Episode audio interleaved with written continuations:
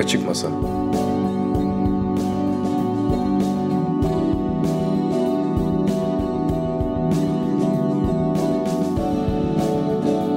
Mürvet Türk Yılmaz ile Misafir Sanatçı Programı muhabbetleri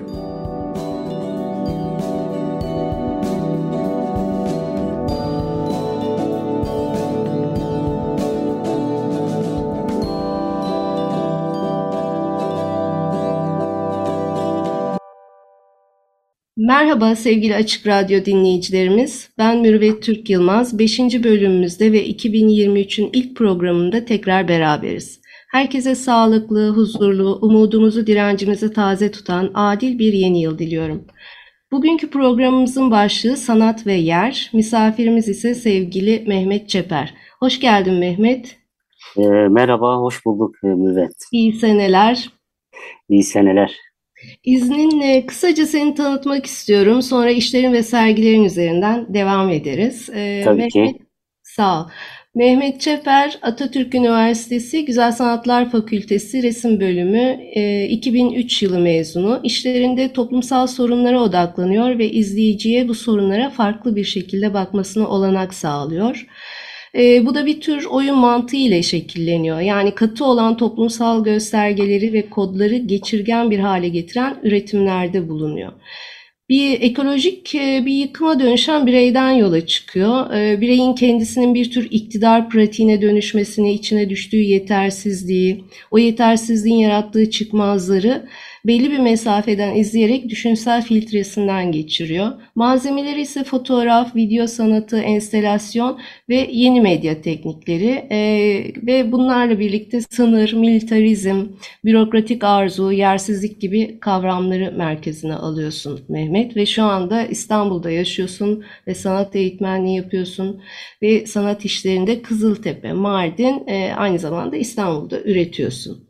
Şimdi evet. ben e, şöyle ki e, heyecanla başlıyorum tabii ki. 2007 yılında Sen Ne Sanıyorsun başlıklı bir sergi var biyografinde. Bu serginin önemi Kızıltepe'de ilk defa olması ve sanatçı kolektifleriyle bir bağ kurulması ki e, Antakyalı A77 Sanat Kolektifini davet ediyorsunuz e, bu sergiye ve bu sergiden sonra 2009'da A77 Sanat Kolektifi de e, sizi davet ediyor İstanbul Tütün Deposu'nda düzenledikleri Yer Olmayan isimli sergiye. Ve sen de her sivil bir askerdir işini sergiliyorsun burada. Evet. Ve aynı iş 2011'de Türkiye İnsan Hakları Vakfı'nın 20. yıl kutlaması için yine aynı tütün deposunda e, ateşin düştüğü yer sergisinde sergileniyor. E, ve farklı şekillerde sergileniyor sanırım. Bu işin nasıl doğdu e, ve iki sergilenme hali, imgesi ve anlamı üzerine konuşabilir miyiz? Tabii ki. E, biz 2007'de ilkin Kızıltepe'de bir e, A77 kolektifini davet etmiştik. Daha sonra onlar da e, depoda yer olmayan e, se, sergisine davet etmişlerdi Kızıltepe'li sanatçı olarak. E, orada her sivil bir askeri diye bir fotoğraf işim vardı. E, üçlü bir fotoğraftan oluşuyor. E, fotoğrafın e, orada bir e, sivilin elinde e, silah tuttum. O, öyle bir figür var orada. Evet. E, orada e, bir aslında bir, bir sivilin e, nasıl bir askere dönüştürüne dair bir e, eleştiri getiriyorum. E, işte bu eleştiride e, ordu aygıtı işte resmi bir ideoloji çerçevesinde e, işte hem insanın kalbine bilincine, bilincine nüfus ederek e, tabi bunun dayanağı da anayasadaki metinler çerçevesinde bunu kendine gerekçe göstererek bir bireyi kendisi, e, kendine dönüştürmüş oluyor. E, bunu e, A77 ile dep depoda biz bunu sergiledik. Daha sonra ateşin düştüğü yerde yine aynı şekilde sergiledik. Yani iki, iki sergide de aynı şekilde mi? Dışarıda bahçede hatırlıyorum ben ateşin düştüğü. Ateşin düştüğü yerde biz bahçede e, sergiledik. E, hatta e, bahçeye girerken orada bir e, elektrik santrali var. Orası telli böyle. Tel, e, biraz da tam e, böyle sergileme biçimi daha iyi oldu. E, bu şekilde sergilemiştik. Evet, evet, orada daha bir yerini bulmuştu. Ben de e, o şekilde hatırlıyorum. Peki evet. sonra 2012'de Gerçeklik Terörü, Periferi Kolektif'ten Rafet Aslan ve Alper İnce'nin koordinatörlüğünde gerçekleşen Gerçeklik terörü sergisine davet alıyorsun. Ee, yazılan metinde şöyle diyor. Her türden kimlik ve aidiyet artık birer yaşam tarzına ve imaja indirgenmiş bir biçimde karşımıza çıkmakta. Bu pornografiye dönüştürülen aynılaştırılmış e, gündelik imajlarla gerçeklik terörü dediğimiz yeni bir baskı, sansür ve saldırıyla karşı karşıyayız. Ee, şimdi bu e, sergi Trambolin isimli bir fotoğraf işine de katılıyorsun. Bu performatif işini nerede fotoğrafladın? Detaylarını paylaşır mısın? Bizzat yeri neresiydi ve sonra fotoğrafladığın alanın önemi neydi? Ee, ya da o trambolin de ben biliyorum havada asılı fotoğraflanmış bir figür e, zıplarken havada asılı bir şekilde. E, bu imge üzerine konuşmak istiyorum mekanın evet. fotoğraflanması ve o mekandan kopartılıp e, sergiye taşınması sürecini. Evet. E, trambolin işimi e, e, o zaman e, e Nusaybin Nusaybin e, aslında e, tam da Suriye sınırına yakın bir yerde gerçekleştirdik. E, oradaki figür e, bir e, işte bir sınırı aşma girişimine dayanıyor e, işte de, ulus devletinin sahip olduğu e, göstergelerinden e, e, en önemli faktörü olan sınır kavramını aslında e, burada e, düşsel bir yoruma bırakmak istiyor oradaki figür. Yani aslında e, figür sıçramak istiyor ve e, coğrafik düzlemden işte siyasal geometrik bir çizgilerle aslında müstemleke edilişini görselleştiriyor orada. Yani aslında Yine e, az önceki bahsettiğin gibi e, burada e, sınır kavramını yani çok katı bir gösterge olan sınır kavramını aslında e, bir tür geçirgen durumuna getiriyorum. Yani yeni bir form veriyorum aslında. Yeni bir form veriyorsun. Evet.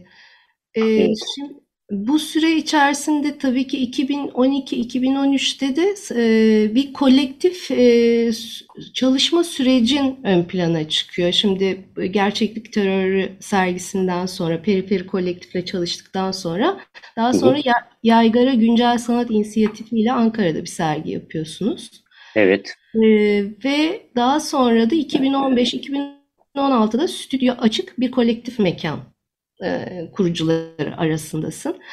Bütün bu sü- kolektif e, üretim sürecinde e, neler deneyimledin? Kısaca bilgi verir misin? Aynı dönemde tabii ki şey gezi olayları da olmaktaydı. Gezi ruhu dediğimiz bir dayanışma ruhu oluşmuştu. O güçlü çevresel etkenler senin kolektif üretim sürecine nasıl yön verdi?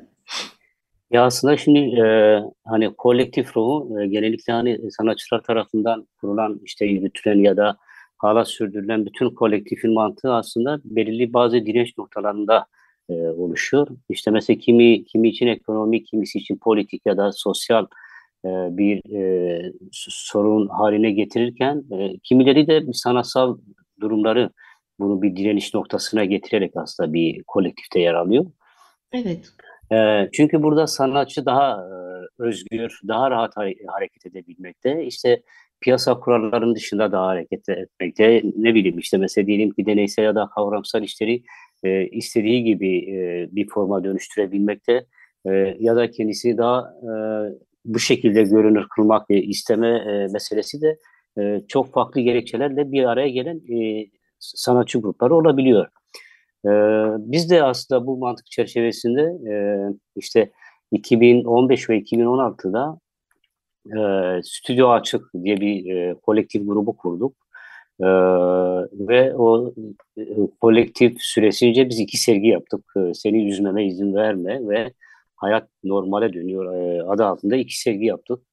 E, her hafta sonları toplanıyorduk. E, sanatçılar ve e, iki tane, e, üç, üçe yakın e, akademisyen arkadaşlar da vardı.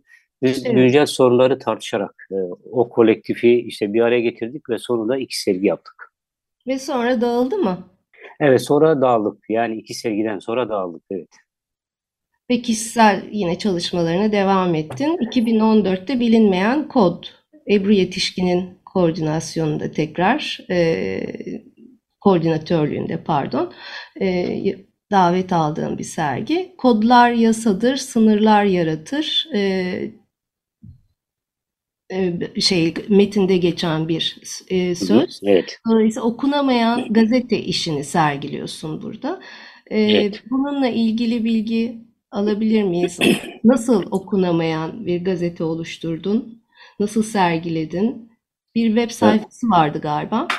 Evet, aslında şimdi e, sergi çerçevesi e, işlenmesi diyelim ki e, e, işte gündelik hayatın içindeki işte mikro zaman ve mikro mekanlardaki o çelişkili durumları nasıl deneyimlediğimize dair bir se- sergi çerçevesi yani bir konsept üzerinden yürüdük. Ve Okunamayan Gazete de e, bu şekilde o zaman e, oluşmuştu. E, çünkü aslında birçok gördüğümüz sahnelerin artık bizim için bir bilinmeyen kod olduğunu e, e, görebiliyordum. Hani bu işi oluştururken. Hı hı.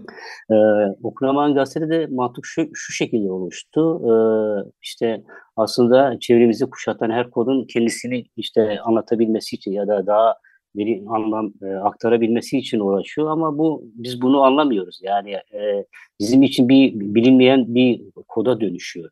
Çünkü işte gazetedeki dil yabancılaşıyor. İşte daha önce aslında belirlenmiş belli bazı kodlarla yazılmış ve bu stabil bir durum e, hal alıyor.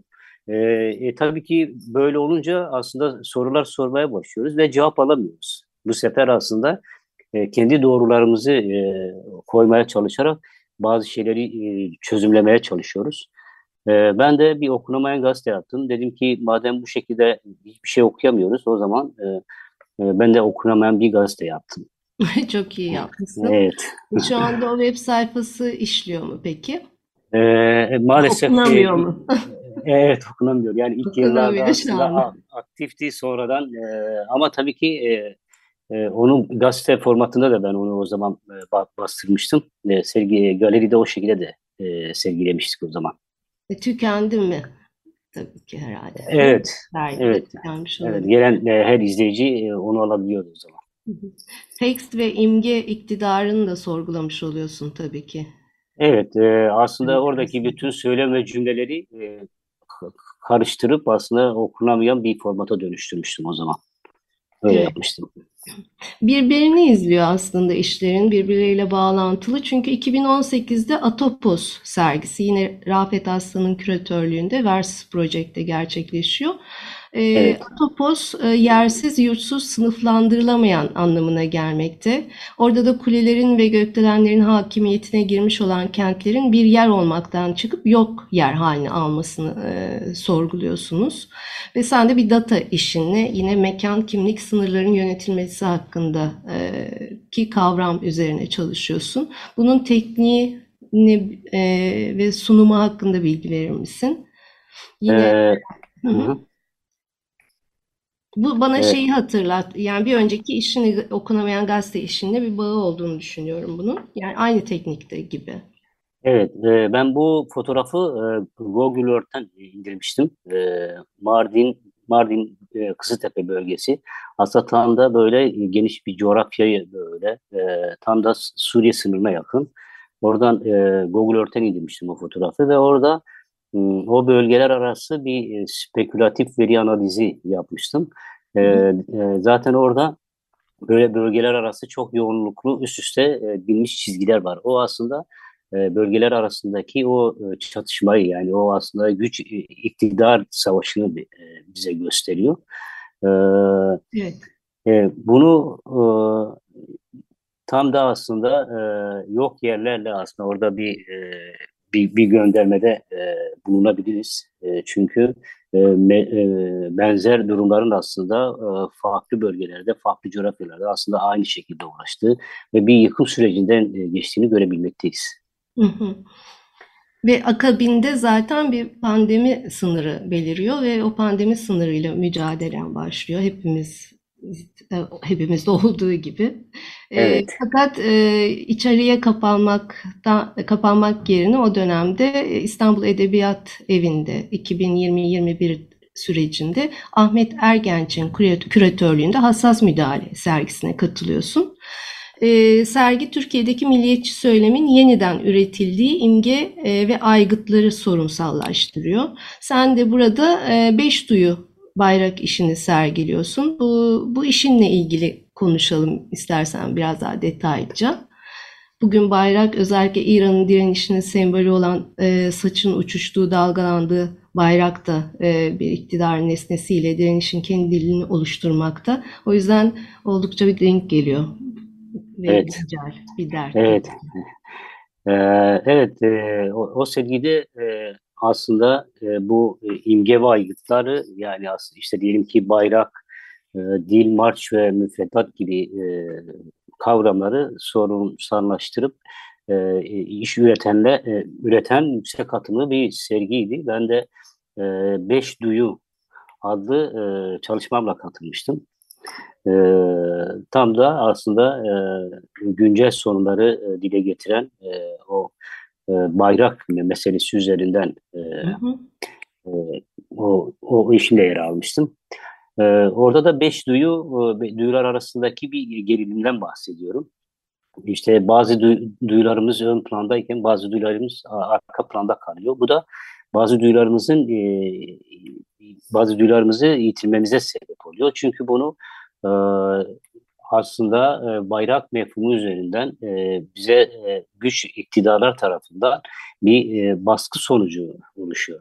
İşte bazen görme duyumuz ön plandayken işitme duyumuzu kaybediyoruz ya da farklı duyuları öne çıkarıp e, baskılayıp aslında bir nevi artık bizi sanki dönüştürmüş oluyor ve biz o iktidarın, o gücün gözü, kulağı ya da herhangi bir duyusu olabiliyoruz.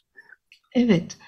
İşte bu duyular üzerinden veya duyuların da yönetilmesi üzerinden e, gidersek 2021'de e, Beste Erener ile Kasa Galeri'de Mahmut Vende Koyuncu e, küratörlüğünde Makul Kurban sergisideki işin e, devamlılık e, oluyor yeniden ve Evet. bu sergide doğaya, manzaraya farklı bir pencereden insanın dil öncesi evreninden bakmaya makul kurbanı sorgulamaya çalışıyorsunuz. Kurban ne veya kim bu sergide? Bunu araştırırken de dijital araçlar üzerinden bir dil oluşturuyorsunuz. Tekrar bir dil oluşturuyorsunuz. Eee, senin burada üç e, video işin var sanırım. Dere e, kenarında bir yürüyüşünü gösteren e, bir video çalışman. Aynaların yansıtması doğa içinde e, yine bir projeksiyon bir iş sanırım. Bir de e, suya, e, su ve toprak ilişkisini konu alan bir performatif işin var. Onlarla ilgili konuşabilir miyiz? Tabii ki. Ee, bu The Fading ile başlamak istiyorum. Ee, Hı e, toprağın üstüne böyle e, e, bir, bir bildiri yazıyorum orada. Ee, bildiride şunu yazıyorum. E, I don't know what it is to have a state. Ee, orada e, bir performatif bir e, e, eylemde bulunuyorum. Yani aslında bir imge oluşturma çabam var orada.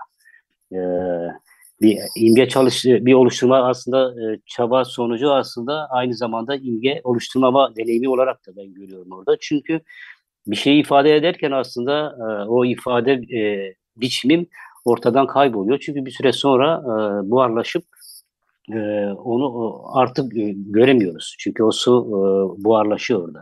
Hı Yani hı. aslında bir e, bir politik ve varoluşun e, hiçliğini de aslında aynı zamanda görebiliyoruz burada. Yani aslında s- ben burada bir e, eylemde bulunuyorum ama e, eylemim bir, bir yere denk gelmiyor. Tekrar bana, bana geri dönüyor ama bitmez tükenmez bir şekilde sürekli bunu tekrar ediyorum. Hı hı. Ee, Büyük bir içinden çıkılmaz bir döngüye giriyor belki, öyle mi? Evet, e, burada aslında e, ya e, verilen aslında mesaj bir, bir gerçeklik duygusu aslında ama e, bilin, bilinmeyen bir gerçeklik duygusu. Yani hissedemiyorsun ve bir gerçeklikle bir bağ kuramıyorsun. Yani e, aslında buradaki e, politik ideal aslında ütopik bir hal almaya başlıyor. Evet. Yani e, Hı hı. Evet. yani e, gerçekle gerçekleşemiyor aslında. Biraz da gerçek e, olmaya biraz uzak bir yerde duruyor. Var ama yok. Evet, evet. Var ama yok. bir, şeffaflık ve geçirgenlik hissediyoruz ama orada mı değil mi bilemiyoruz tabii ki. Ya da Evet, kendisini sürekli e, bir organizma gibi değiştiriyor. evet. Peki e, su kenarında e, yürüdüğün video, o da enteresan. O nehirin nehirin e, rotası önemli aslında. Evet, Aslında orada e, doğanın ne kadar özgür olduğunu e, e, gösteriyorum. E, or, aslında e, yürüyüşe başladığım yerde aslında su orada bir kaynak, orası ve su orada başlıyor ve suyun gidişatı üzerinden e, ona eşlik ediyorum. E, çok uzun bir mesafe, üç gün boyunca aslında ben o e, performans işinde yürümüştüm. E, dereyi takip etmiştim ve dere e, ta sınıra kadar e, gidiyordu ama sınırdan sonra devam ediyor zaten. O sınır Suriye'den geçip Basra Körfezi'ne dökülüyor ama ben sınıra kadar e, o dereye eşlik etmiştim ben. Evet, tarihte ilk su kanallarıyla olsun yazının ve birçok dilin, dinin doğuşuna kaynaklık etmiş. Uygarlığın merkezi Mezopotamya, toprakların hafızasını taşıyan bir nehir. Ve o nehirin Evet, üstünde o toprağa yazılmış, giderek buharlaşan bir yazıyı şu anda gözümün önünde canlandırdın. Evet. evet. Ee, peki aynalar konstrüksiyonu nasıl?